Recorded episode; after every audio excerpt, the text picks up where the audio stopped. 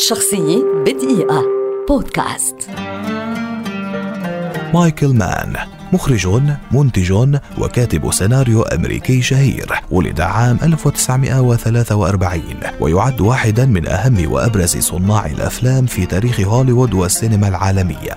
حصل على شهادة البكالوريوس في اللغة الإنجليزية من جامعة ويسكونسن ماديسون كما درس الفلسفة والتاريخ والهندسة المعمارية ثم انتقل إلى لندن لدراسة السينما بمدرسة الفيلم في العاصمة الإنجليزية قبل أن يبدأ بعدها مسيرته الإخراجية بإخراج الإعلانات التجارية وبعض الأفلام الوثائقية. عام 1971 أخرج فيلمه الدرامي القصير الأول. أما فيلمه الروائي الطويل الأول فقد جاء في عام 1981 بعنوان ثيف وهو الفيلم الذي كتب السيناريو الخاص به بنفسه أيضا.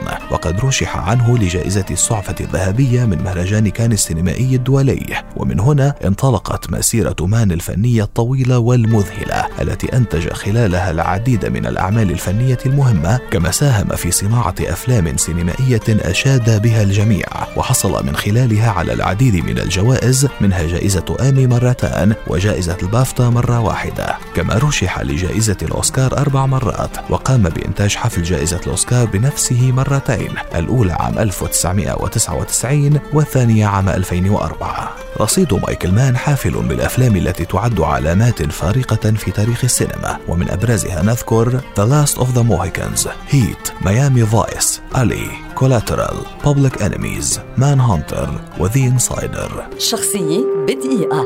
بودكاست.